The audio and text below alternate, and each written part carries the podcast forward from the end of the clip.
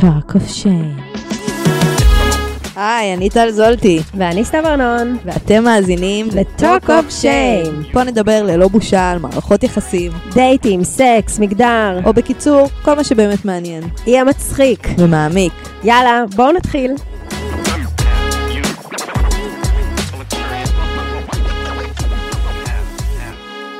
היי ושלום אופיונים, העניינים, מה שלומכם? איך הימים עוברים לכם? כרגיל, אני רוצה להקדיש את הפרק הזה לחטופים שלנו, שיחזרו במהרה בריאים ושלמים, ושתהיה להם חזרה קלה וחיים קלים מעתה והלאה, אמן, וכמה שיותר מהר. וכמובן, לחיילים שלנו היקרים ששומרים עלינו, המתוקים, היפים, החתיכים, אה, שיחזרו אלינו גם בריאים ושלמים. Uh, היום לא יהיה לנו פרק רגיל, uh, יהיה פרק סולו. מזמן לא היה לנו כזה.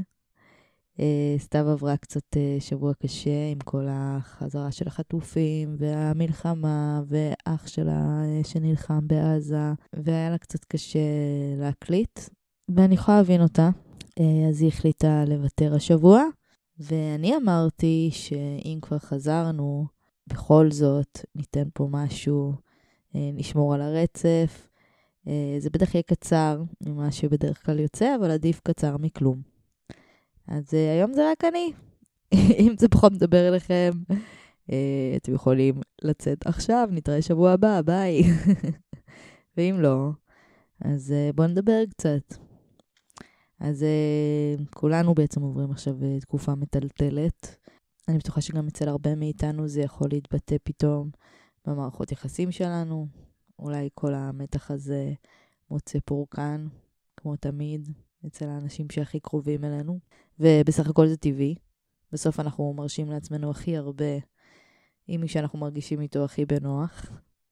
ואחת הטרגדיות הכי גדולות של האנושות היא שהרבה פעמים דווקא האנשים שאנחנו הכי אוהבים והכי קרובים אלינו, לא זוכים ליהנות מהצד הנחמד והיפה במיוחד שלנו. ויש גם הרבה מקרים שמי שמקבל דווקא את היחס הטוב שלנו ואת הצד הנחמד במיוחד, או היחס המתנחמד שלנו, הם דווקא אנשים שאנחנו מרגישים איתם הכי לא בנוח. אז אולי זה בעצם צריך להחמיא לנו, שמישהו לא נחמד אלינו, כי הוא מרגיש נוח. אה, כמובן שלא, אבל במידה מסוימת, כן. אולי אנחנו לא באמת הגורם למצב רוח שלו, אבל אנחנו מעין מקום בטוח כזה, להתנהג בו איך שמרגישים. מקום להיות בו רגע קצת ילדים. כי אנחנו באמת קצת ילדים, לפעמים במקום הזה. קצת ילדים בטנטרום כזה, שרוצים שנץ ועוד לא מבינים את זה בדיוק, נכון? ותמיד אנחנו צריכים איזה זוג עיניים אוהבות, שיאהבו אותנו גם כשאנחנו בלתי נסבלים. אז אולי השאלה שצריכה להישאל היא, איך אנחנו מצליחים לאהוב אחד את השני גם כשאנחנו בלתי נסבלים, וילדים. ואולי זה בדיוק זה. זה לראות רגע את הילד החמוד שנמצא באדם שמולי, ולראות את הילד הקטן שהיא בו, שרוקע ברצפה, שרוצה לדעת שהוא אהוב ומוגן, גם אם הוא לא ילד טוב. וזה חלילה לא הזמנה להיות אימא תרזה, כי אני כבר רואה איך כל המגנטי נרקסיסטים פה במאזינים מתייצבים לפקודה, אלא ההפך.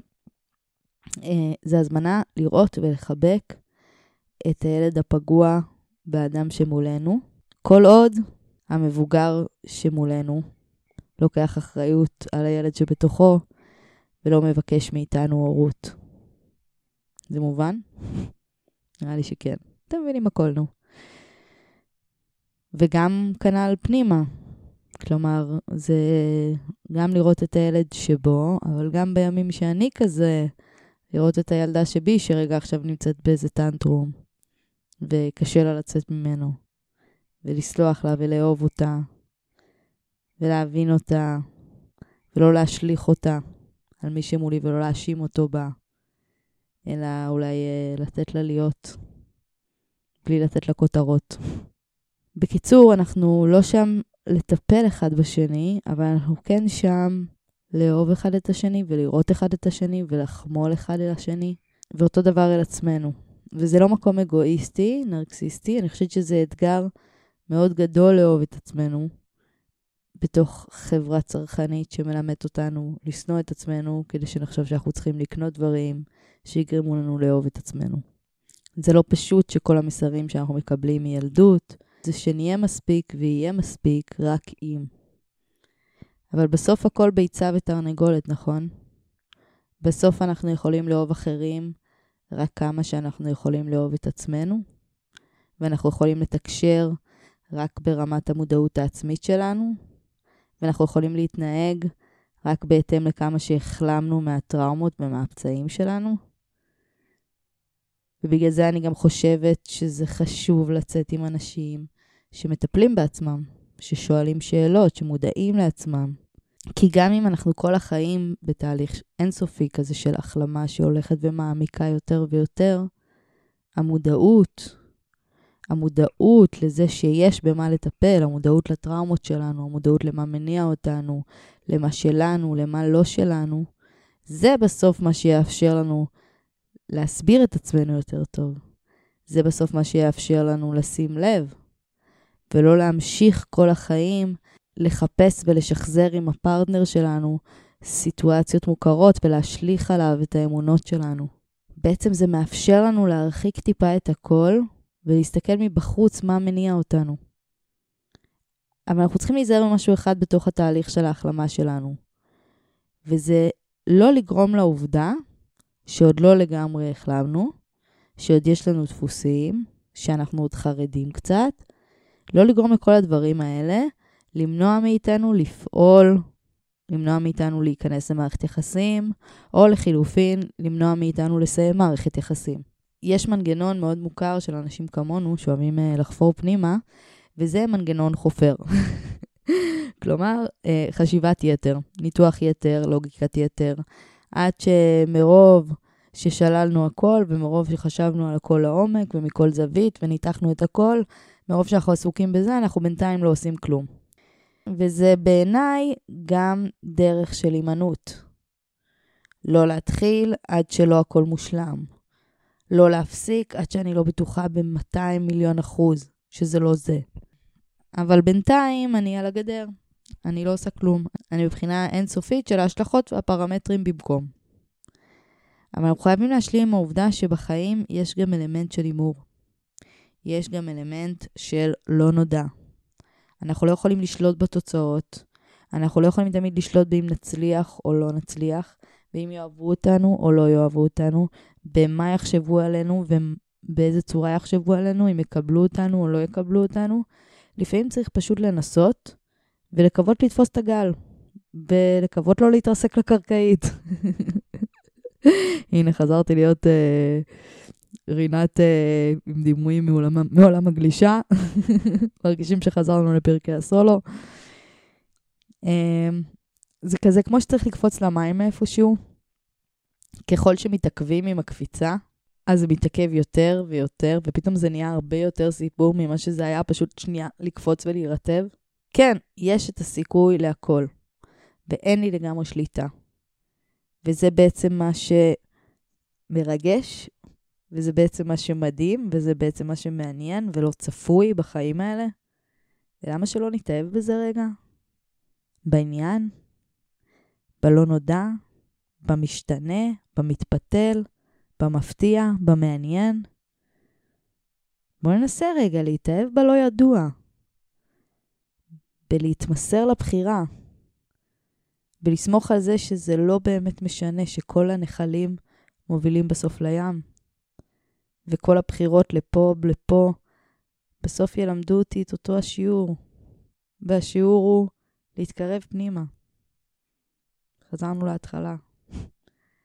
והתקרבות פנימה קורית בזה שאני מוחקת את המרחק בין מי שאני לבין מי שאני חושבת שאני צריכה להיות על מנת לקבל אהבה. ככל שאני מצמצמת את הפער בין שני הישויות האלה, ככה אני יותר קרובה פנימה.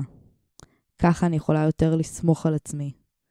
והצמצום תמיד צריך לבוא לכיוון מי שאני באמת. ומי שאני באמת, זה גם החלקים שאני מאמינה שלא ראויים לאהבה.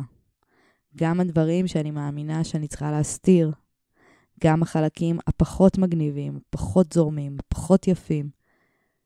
היכולת שלי לקבל אותם בי ולאהוב אותי איתם וגם אפילו בזכותם,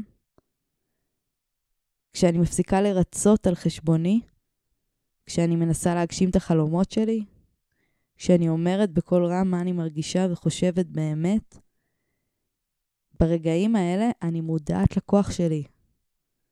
במקומות בהם אני מתעדפת את עצמי. אני מקווה שהמלחמה הזאת הזכירה לכולנו להגיד כמה שיותר לאהובים שלנו שאנחנו אוהבים אותם, והזכירה לנו שאין לנו זמן לבזבז במקומות שלא טובים לנו, עם אנשים שמורידים אותנו. מגיע לנו ללכת בגשר הצר הזה זקופים, שמחים, שלמים, בטוחים, אהובים. אני מדברת על הגשר של החיים, כן, הגשר צר מאוד הזה של השיר, כל העולם כולו. וזו אחריות שלנו לבחור את הגשר הנכון ולהעיז לצעוד בו, גם אם הוא נראה מתנדנד. לסיום, אה, לא תהיה פינה, ואני רוצה להתייחס אה, לשאלה שקיבלנו בפרטי. והשאלה הייתה איך אה, לא לפתח יותר מדי ציפיות אחרי די טוב, אבל גם לא לשחק משחקים. טוב, אז קודם כל נשמע שכבר ענית לעצמך בשאלה, אבל uh, בכל זאת אני רוצה להתייחס לזה, כי מי כמוני יכולה להבין את הפחד הזה, לפתוח את הלב, את הפחד הזה להיפגע, אבל בעצם הרגע הזה שאנחנו מפחדים ממנו, אה, כשאנחנו שואלים את השאלה, זה כבר הרגע שזה קצת מאוחר מדי, נכון? אנחנו מתחילים לדאוג רק כשאנחנו כבר מבינים שיש לנו מה לאבד. זאת אומרת שכבר פיתחנו ציפיות. אז הפחד כבר מיותר. את כבר נמצאת בפחד. וכשאנחנו נמצאים בו, אז פתאום אנחנו מגלים מה הפחד האמיתי שנמצא מתחתיו, והוא מה יקרה אם יישבר לי הלב. וזה באמת מפחיד. אבל פה אני חוזרת אה, לשלב קצת יותר מוקדם בשיחה, שבעצם אה, דיברנו על זה, על להתאהב בסיכון. שבעצם no risk, no fun. אי אפשר לתת למישהו להיכנס לנו ללב בלי לקבל על עצמנו את הסיכון, שהוא ישבור לנו את הלב. זה בעצם מין כרטיס דו-כיווני. וכמו שאמרתי מקודם, כמה שנסכים לסכן, ככה נוכל להרוויח. מי שמסכן הכי הרבה, גם מרוויח הכי הרבה, ככה זה בהימורים. וגם מסתכן הכי הרבה. אבל כמו שאמרנו, הסכמה. והאי-ודאות הזאת הוא חלק מהיופי בחיים, בואו נתאהב בו. וניקח את הצ'אנס ונהנה גם מהכאב היפה והמתוק של לב מדמם. ולגבי משחקים זה כבר עניין של בחירה. אני לא חושבת שצריך לשחק משחקים. מה שאני כן חושבת זה שצריך לדעת מה אנחנו שווים. וצריך לדעת מה אנחנו שווים גם כשמישהו מוצא חן בעינינו. ולשמור על הגבולות והסטנדרטים שלנו. גם כשמישהו מוצא חן בעינינו. יש הרבה שאמרו לי, אוף, למה אני לא יכולה להיות עם הבחורים שאני רוצה כמו עם הבחורים שאני לא רוצה? אבל מה בעצם ההבדל? שעם הבחורים שאת לא רוצה, את יותר אה, שומרת על הגבולות ועל הסטנדרטים שלך, אז הם גם יותר בקטע, הם יותר אה, מעריכים, יותר רוצים. ולשמור על הגבולות והסטנדרטים בעצם מבטיח לנו שאנחנו יכולים לפתוח את הלב בלי משחקים. ובנוסף, עם הגבולות וסטנדרטים, אני רוצה גם לדייק את זה, ולדעת שגם צריך לדעת מידה. מה מותאם לאיזה שלב. כולנו יודעים פחות או יותר מה מקובל, מה נהוג. איך מערכת יחסים מתקדמת פחות או יותר. באיזה קצב. אם משהו ממש חורג מזה, מישהו ממש ממהר, או ממש מתעכב, בשלבים המקובלים, בקצב המקובל. אז שם כבר הייתי שואלת שאלות, והייתי מסתקרנת, והייתי קצת כזה מרימה גבה. אבל חוץ מזה, הייתי אומרת שגם אם מאוד מתרגשים, וגם אם חשים חוסר ביטחון, לא לזרז ולא ללחוץ את מה שעוד לא הגיע זמנו. לתת לזמן לעשות את שלו. לתת לזמן לגלות לנו לבד. לא לנסות לשלוט במציאות, זה שוב העניין הזה שאנחנו מנסים לשלוט. הרבה פעמים הזמן חושף בדרך את כל השכבות, ואני לא חושבת שצריך לזרז את זה.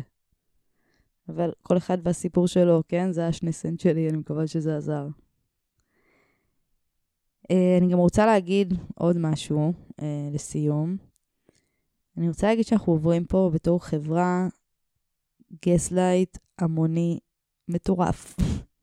עברנו טראומה ממש גדולה ביחד, משותפת.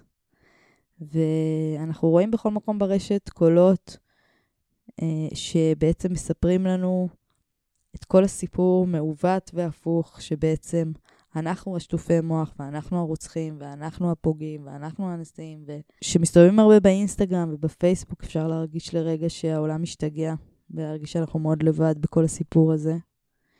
ואני רק רוצה להזכיר לנו שאנחנו לא לבד, ואני רוצה לצטט את uh, מרטין לותר קינג, שאמר שאין יותר אנשים רעים מאנשים טובים, פשוט הרעים יותר מאורגנים ויותר עושים רעש. Uh, אז אני מציעה שבתקופה הזאת, בואו ננסה להתרכז באמת בכל הסיפורי גבורה המדהימים שאנחנו רואים סביבנו, בכל הסיפורים על העזרה והאהבה והאכפתיות שיש. ויש סביבנו בשפע מזה, עכשיו במיוחד. העולם מלא חסדים, ומלא אהבה, ומלא אכפתיות. ובואו נתחבר לכוח האדיר הזה, וגם אם אנחנו נשברים, וגם אם אנחנו בוכים, בואו נאהב את הדמעות האלה, שבוכות מהמקום הכי טהור בעולם. ממקום של כאב ואהבה על החיים ועל האנשים היקרים שלנו.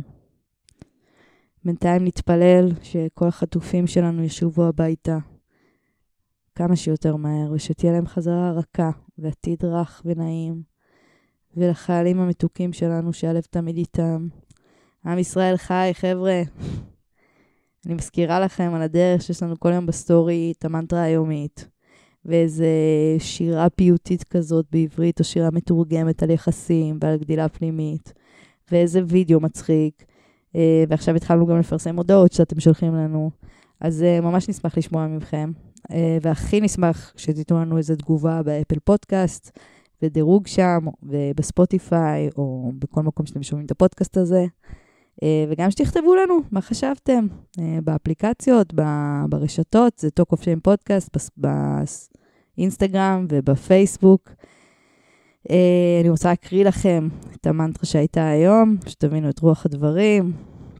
אני צועדת בכיוון הנכון, אני לא יכולה לטעות. הכל נועד לקרות בזמנו השמימי. הדרך נועדה לקרב אותי פנימה. אני מקבלת את המציאות שלי כמו שהיא. אני מאמינה בעתיד שלי. אני מרוכזת בהווה שלי. אני מזמנת וממנפת חיים נפלאים עבור עצמי.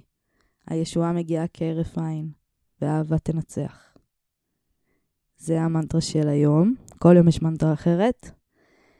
Uh, השיר של היום נקרא "אני כבר לא לקפה" של שלומית אפלפל, והוא הולך ככה: רציתי לומר שלא ניפגש ונשב לדבר. לא אדבר, לא אקשיב, לא אבוא, לא אצא מהבית, לא אחשף עוד לצורך הבלתי נשלט לכסות על הבור ולהונות את עצמי. הנה, שמעת, אין אמת אחרת. אני כבר לא לקפה. אה, אז גם זה, כל יום שיר אחר, מינים אחרות, וגם בהיילייט יש את כל המנטרות שהיו עד עכשיו ואת כל השירים שהיו עד עכשיו, וזה ברמת המאות.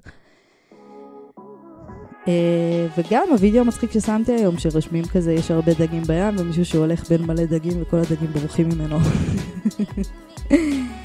אה, בפינת חימום הלב, קיבלנו הודעה, תודה על הפרקים, עם תוהות מה דעת הקהל, כן לגמרי, בול כזה, עוד היידה, תודה, לב. זה, זה נורא כיף, תשלחו לנו כאלה, נפרסם אותם. אה, זהו חברים, עד כאן. שבוע הבא, אז זהו חברים, עד כאן. שבוע הבא גם תחזור אלינו סטוקי שלנו. אה, אני הייתי טל זולטי, אני מקווה שתישארו איתנו.